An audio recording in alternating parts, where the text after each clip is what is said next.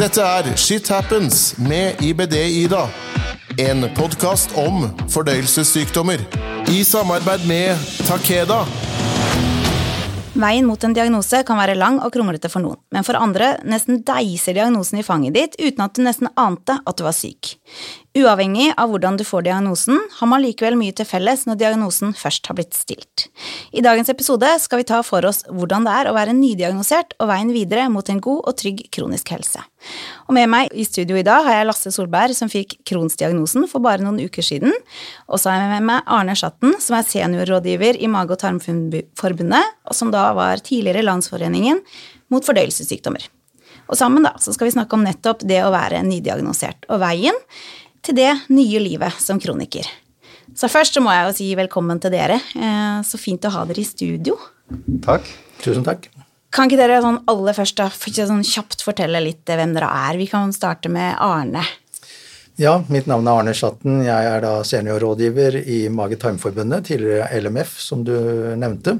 Og eh, jeg har selv Crohns sykdom, fikk diagnosen i 1972 og har hele tiden antatt at det var litt annerledes enn i dag. Men det er ikke så veldig stor forandring, men det kommer vi vel tilbake til. Mm. Lasse, hvem er du?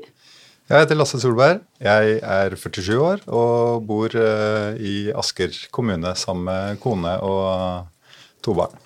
Ja, og som jeg nevnte litt i starten, da, så er jo veien mot diagnose ulik fra person til person.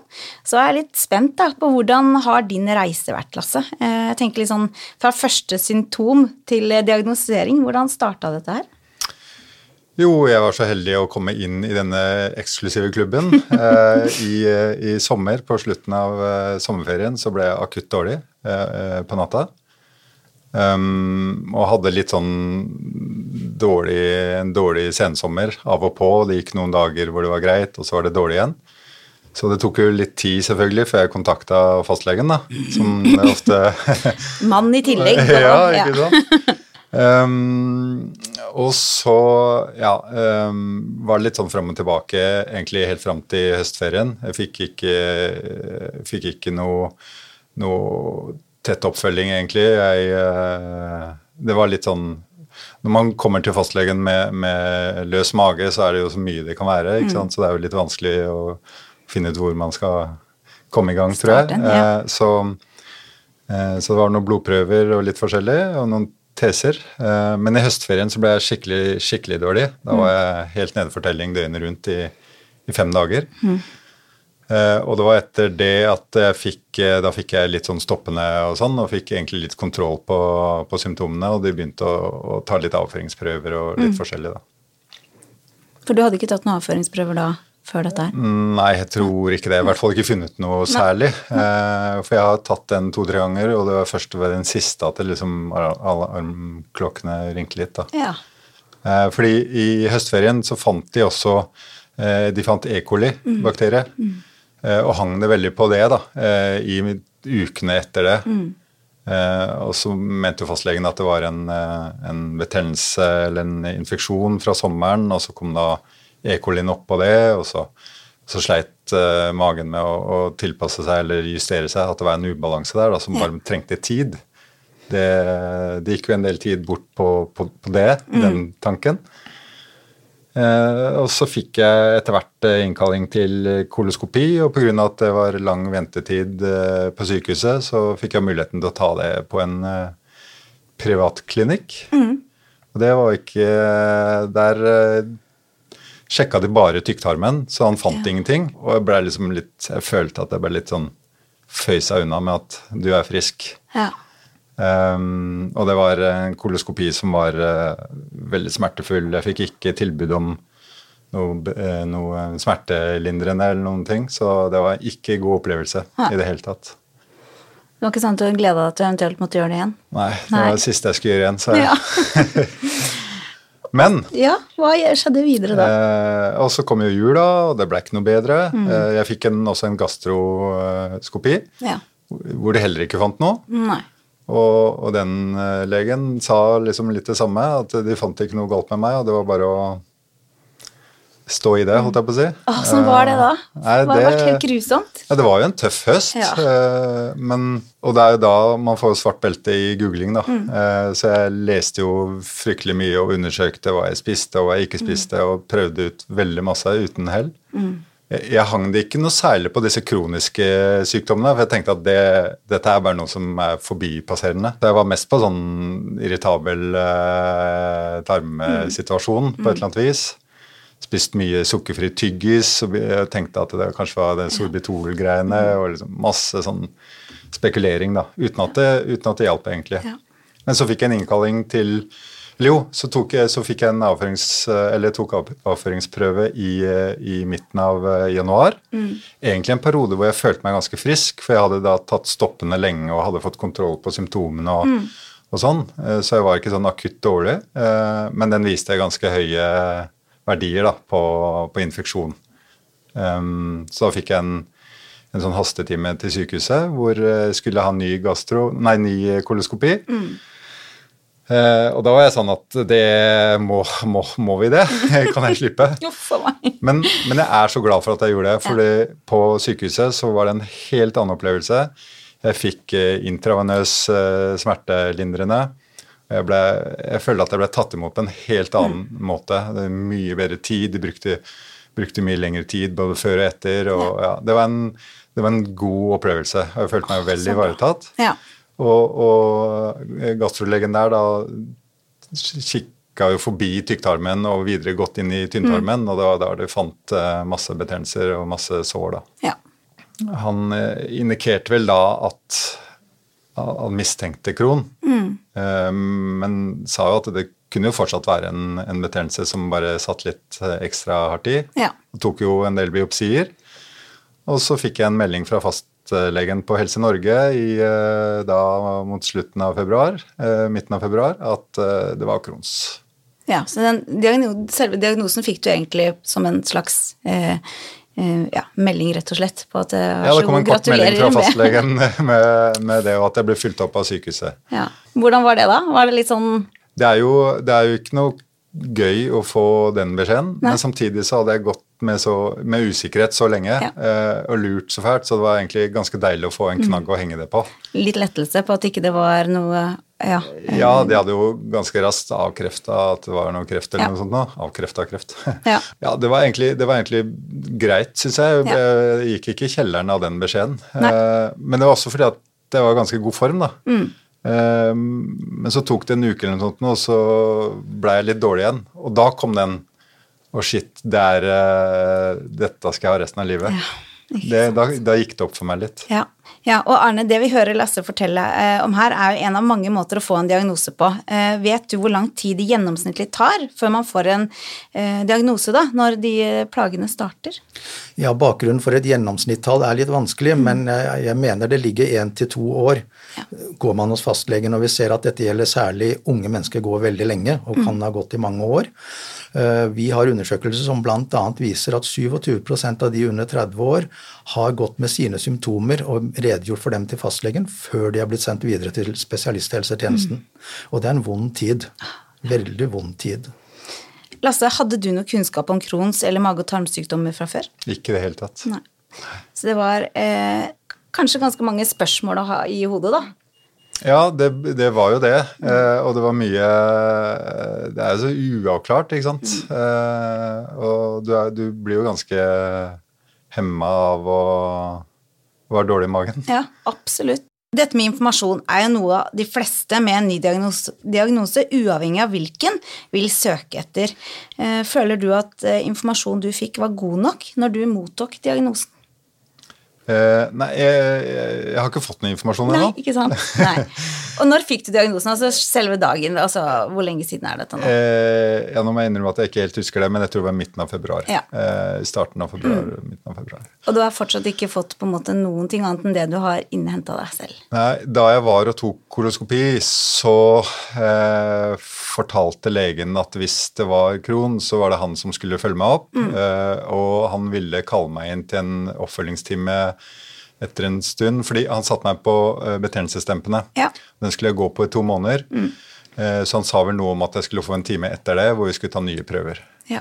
Eh, men, men jeg fikk jo aldri noe innkalling, og jeg fikk aldri, når fastlegen ga meg beskjed om at det var Crohn, så, så, og at sykehuset skulle, sykehuset skulle følge meg opp, så skjedde det ingenting. Så jeg, det gikk jo noen uker, og jeg lurte på hva som skjer, så, så jeg ringte jo de da og prøvde å få komme i kontakt. Eh, og etter å ha mast litt, fordi at jeg også begynte å få litt, uh, litt sånn andre problemer, perianale problemer, så, så, tenkte jeg at nå kan jeg ikke vente. Så jeg, så jeg, ringte og sa nå må jeg få snakke med noen. Mm. Og da, fikk, eh, da, ringte legen meg tilbake, og vi fikk satt opp en time som um, jeg skal på nå etter den innspillinga her, faktisk. Mm. Så det blir første oppfølgingstime, da, hvor jeg helt sikkert får masse informasjon. Da får vi håpe du får, får, mye informasjon, ja. ja. Uh, jeg tenker sånn, uh, Arne, hva tenker du om at man på en måte skal gå så lenge, da? Uh, fra man får diagnosen til man får eh, ordentlig informasjon? Ja, At man får ordentlig informasjon, det burde man jo få med en gang. Ja. Her sånn høres det ut som det har vært en kommunikasjonssvikt ja. mellom fastlege og til sykehusene. Mm. Fordi det skal være veldig mye god informasjon man får på sykehusene også, som man kan få med seg hjem av mm. brosjyrer etc. Så det syns jeg også er veldig synd. Det som jeg syns er veldig positivt i det du sier, det er at du trodde du hadde noe forbigående. Mm. Fordi det er ganske uvanlig at man mm. tror når man får disse symptomene vi får, det er gjerne alvorlig kreft, og nå er livet slutt, og det er mm. mange triste tanker i hodet når man forstår at man har eh, fått en sykdom i, i tarmen. For det svir jo ordentlig, det er alvorlig. Mm. Og, og, symptomene er invaderende 24-7 noen mm. ganger, og i hvert fall hver dag så må man ta hensyn til det. Så um, For meg så var det stort sett uh, faktisk uh, om natta. Mm. Uh, at jeg fløy på do hele natta. Mm. og så gikk det sånn noenlunde greit på jobben på dagen.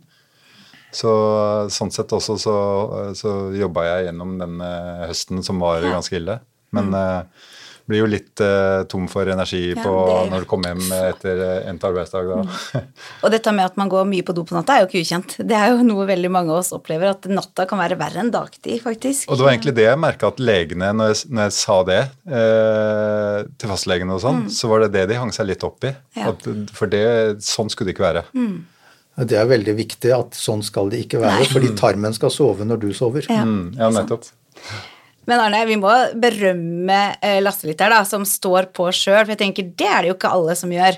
Her ringer en lege eller sykehuset og sier at vet du hva, nå, eh, nå, har jeg ikke hørt noe. Hvor mange er det som sitter stille i båten? Jeg tenker at Lasse gjør jo akkurat det han skal gjøre i en sånn situasjon. Ja, Det er veldig bra og veldig viktig, og dette er veldig viktig informasjon å gi ut. At du skal ikke være redd for å ringe sykehuset, du skal ikke være redd for å kontakte fastlegen og få ny henvisning hvis du bor slik til i Norge at det skal gå via fastlegen. Mm. Det er du som har en sykdom, og sykehuset er der for å hjelpe deg. Det skal man aldri glemme. Arne, eh, hvordan jobber dere som pasientorganisasjon i forhold til pasienten eh, og dette med å gi da kunnskap og trygghet så tidlig som mulig? Ja, Det er jo egentlig veldig mye vi driver med. Mm. Altså, Informasjon er den viktigste pilaren vi har for driften av foreningen. Mm. Det andre er jo likepersonsarbeidet, det at man treffer hverandre møter hverandre og har en forståelse for hverandres sykdom. Mm. Det er ikke alltid man har det ute i det normalsamfunnet. Å gå gjennom all informasjon vi gir, det vil ta veldig lang tid. Mm. Jeg bare gjør oppmerksom på at det er opptil 50 000 besøkende på vår nettside i løpet av én måned ja. som henter informasjonen der.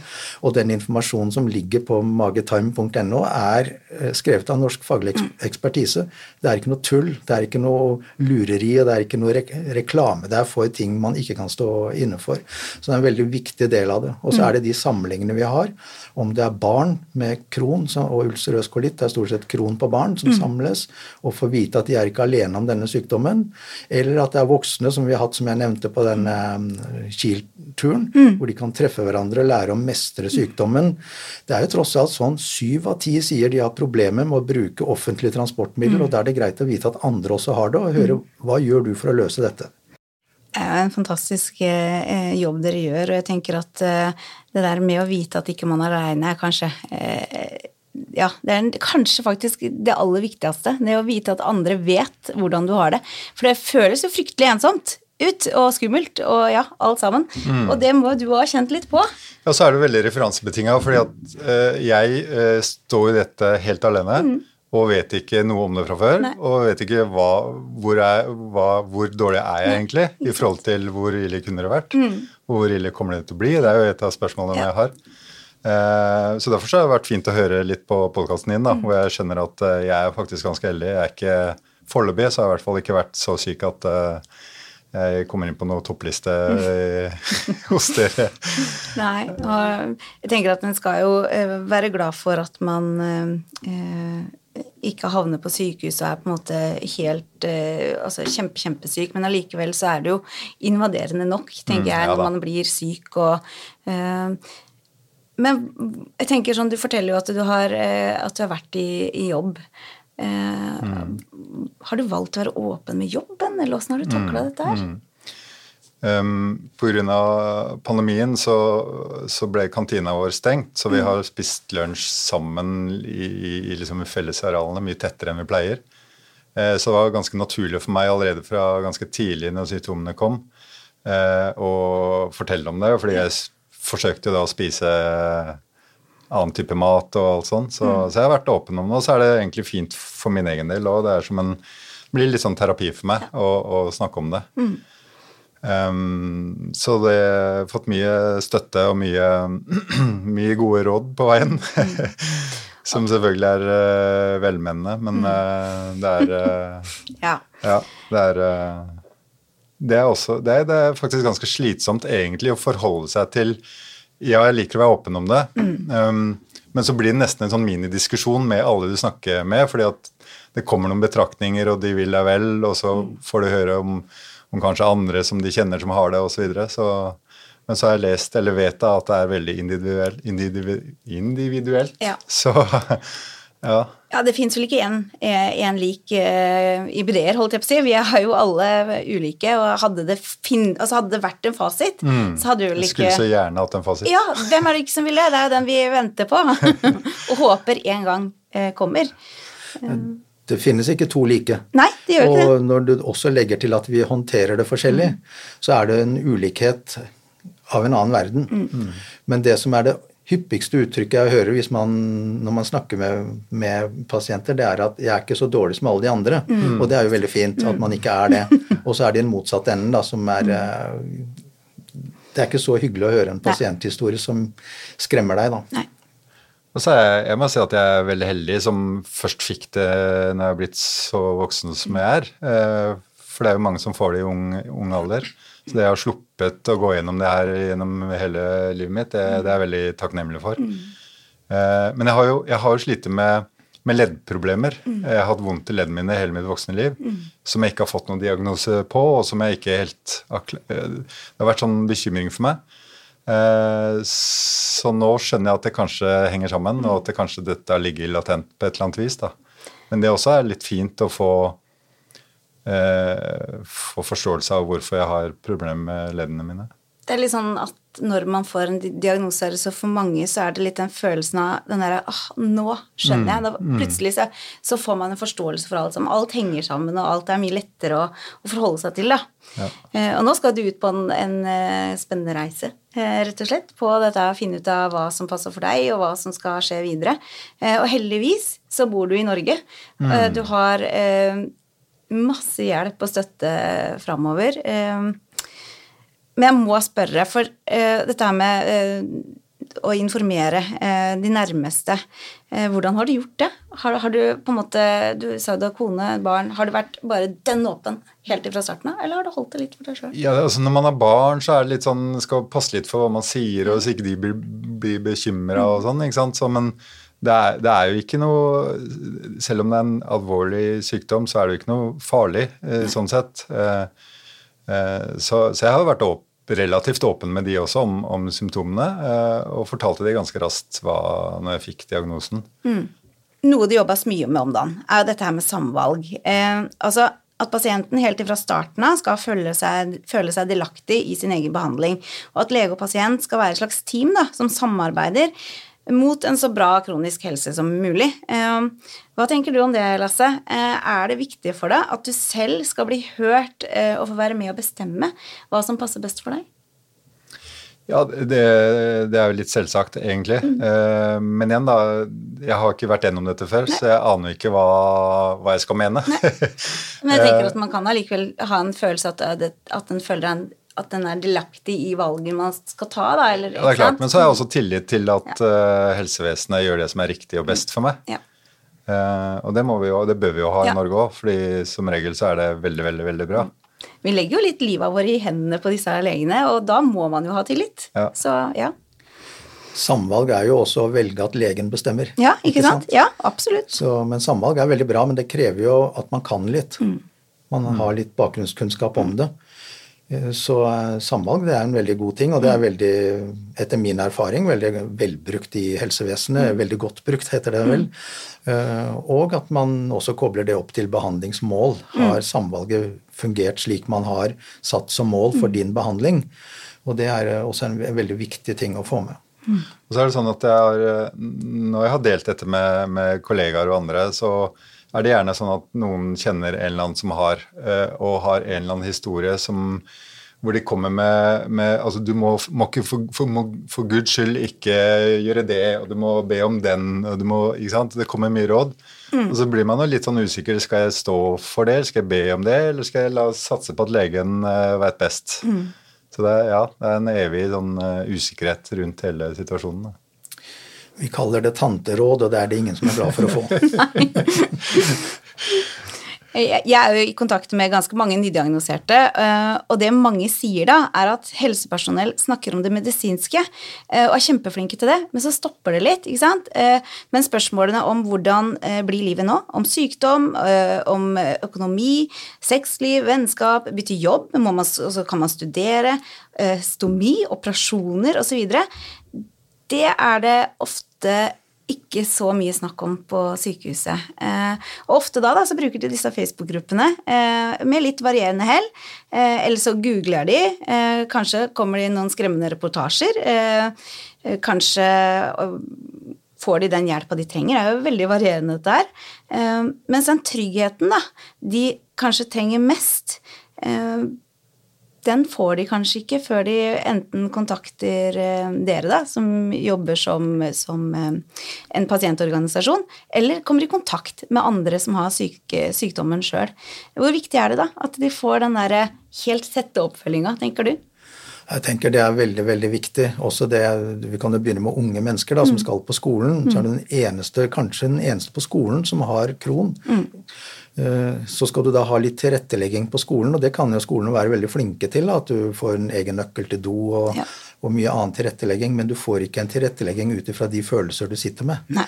Eh, så vi har egen side på nettsiden vår om tilrettelegging for skoler, og vi har noen filmer i forkant som viser liksom, Det er det en jente på 15 år som får litt sånn jordskjelv, for det begynner å bråke inni magen mm. hennes. Så, men den sier jo ikke hennes følelser, den sier bare at 'nå må hun på do', eller 'nå er, det, mm. nå er hun uh, dårlig'. Og dette gjør jo også det at veldig mange kunne nok hatt glede av litt mer psykologtjenester enn det som er tilgjengelig uh, per i dag. Og mm. når det gjelder sex og samliv, så har vi noe om det i brosjyrene våre. Mm. Uh, vi har også hatt seminarer om det. Det er også en veldig viktig side av livet, at man også ivaretar den delen. Absolutt. Eh, så det å leve med sykdommen, det er jo mye av det en pasientforening ja. handler om. Det å mestre, og da skal du mestre alle sidene. Du skal mestre å ta den bussen, mm. Eh, og du skal mestre å kunne bli med på den båtturen uten å bare være på lugaren. ikke sant? Så det er, eh, det er, det er utrolig viktig. Og det kan man ikke forvente at legen setter seg inn i og tar tid til å fortelle pasienten. Og da blir det teamwork, da. ikke sant? Mm. Da blir det den der, De får stå for det, og så får dere og andre ta seg av den andre biten. Eh, tida går fort. Eh, jeg pleier å spørre alle mine gjester om de kan dele tips eller et råd om temaet som vi holder på med. Derfor så spør jeg dere også. Eh, har dere tips dere tenker at nydiagnoserte eller deres pårørende kan ha bruk for? Arne, start med deg. Ja, da har jeg et veldig godt tips. Mm. Fordi vi har sammen med faglig ekspertise, leger, sykepleiere, Eh, og oss fra Mage-tarm-forbundet, så er det utviklet to apper. Den ene er fra 2013, hvor du kan registrere symptomer. Det er fire symptomer der. Veldig enkel å bruke, veldig enkel å laste ned, naturligvis. Og da har du en kurve, da har du noe utgangspunkt når du kommer til legen. Og den nyeste appen, den heter IBD Info. Eh, der er det langt mer symptomer du kan registrere, slik som legene kjenner til. Mm. Og veldig bra ting der. Det er mye informasjon på den. Hvis du trykker på sex og samliv, så står det en del om det der. Sånn at du finner veldig mye i den appen. Jeg har vært med å prøve den, og den er fantastisk. Rett og slett, Jeg elsker den appen. Ja, jeg har veldig lyst til å legge til mm. at hele Europa pluss Canada så er den lansert, men det er ingen ingen land som har fått så mange nedlastinger som i Norge. Åh, Så bra, men den er fantastisk. Så er, eh, den er virkelig å anbefale. Lasse, tips? Yes, Hvis du, hvis du uh, er under utredning, så tenker jeg det jeg har lært, er ikke fordi, fordi veldig mange jeg har snakka med, uh, når det har kommet til koloskopi, mm. så bare åh, ja. ja, det er krise, det skal du ikke, og det er verdens verste ting. Men ikke vær redd for det. Ikke, ikke utsett det. Nei. For det er der de faktisk finner ut uh, det her. Mm. Uh, så, så, be om å få koloskopi, mm. men be om å få uh, smertelindrende ja. underveis, for det er, det er natt og dag, ja. altså. Og selv om det sto for meg, da, første innkallingen jeg fikk, så sto det at jeg ville få tilbudet, mm. men når jeg kom dit, så fikk jeg ikke det. Nei. Og da tenkte jeg at nei, da er det som hos tannlegen, og da spør nei. de om, om, det når jeg trenger det. Mm. Men ja, be om det. Men ja. gjør det. Helt enig. Helt enig. Og det å få en kronisk sykdom da, er for mange en tøff nyhet å uh, måtte ta inn over seg. Det finnes uh, trygghet og kunnskap der ute, uh, men man må være litt kritisk til hvor en henter informasjon fra, rett og slett. det er over 50 000 av oss med IBD per i dag, da, i hvert fall, og det blir mange flere av oss også. Jeg husker sjøl da hvor redd jeg var, og hvordan jeg trodde livet mitt rett og slett var over. Og ikke minst alle de spørsmåla som jeg hadde, og som jeg faktisk ikke fikk svar på heller. Og nettopp derfor eh, har jeg laga podkasten, slik at vi kan snakke om disse temaene og få besøk av kunnskapsrike folk som kan gi meg svar, og ikke minst eh, fortelle litt hvordan det er å være kroniker. Så tusen takk til Lasse for at du åpna deg og delte din historie med meg og alle andre i dag. Eh, jeg håper jo at du har fått svar på litt av det du lurer på, og så ønsker jeg deg masse lykke til videre i den derre IBD-jungelen du skal gjennom. Og så må jeg si tusen takk for at eh, du også har vært med, eh, Arne. Det er eh, kjempefint å ha deg med. Du er full av klokskap og kunnskap, og ikke minst har du masse informasjon som, om hva dere som pasientorganisasjon har å tilby, og det trenger vi. Jo, Takk tilbake. Vi, jeg mener vi utfyller hverandre, så det er også stor takk til deg som driver denne podkasten. og husk da alle sammen at åpenhet det gir kunnskap, og kunnskap det gir trygghet. Om du har spørsmål til denne episoden, ris og ros, ønske om et spesielt tema eller har en historie du mener bør deles, så send meg en mail til ibd-ida-outlook.com. Du finner meg på Facebook som ibd-ida, på Instagram som shithappens understrek med understrek ibd-ida, og jeg setter stor pris på dine tilbakemeldinger. Til vi høres igjen, det er fullt mulig å leve et godt liv som syk. Husk at du trenger ikke bære byrden alene. Det finnes noen der ute som vet hvordan du har det. Sammen blir byrden lettere å bære. Du hørte Shit Happens med IBD-Ida. En podkast om fordøyelsessykdommer. I samarbeid med Takeda.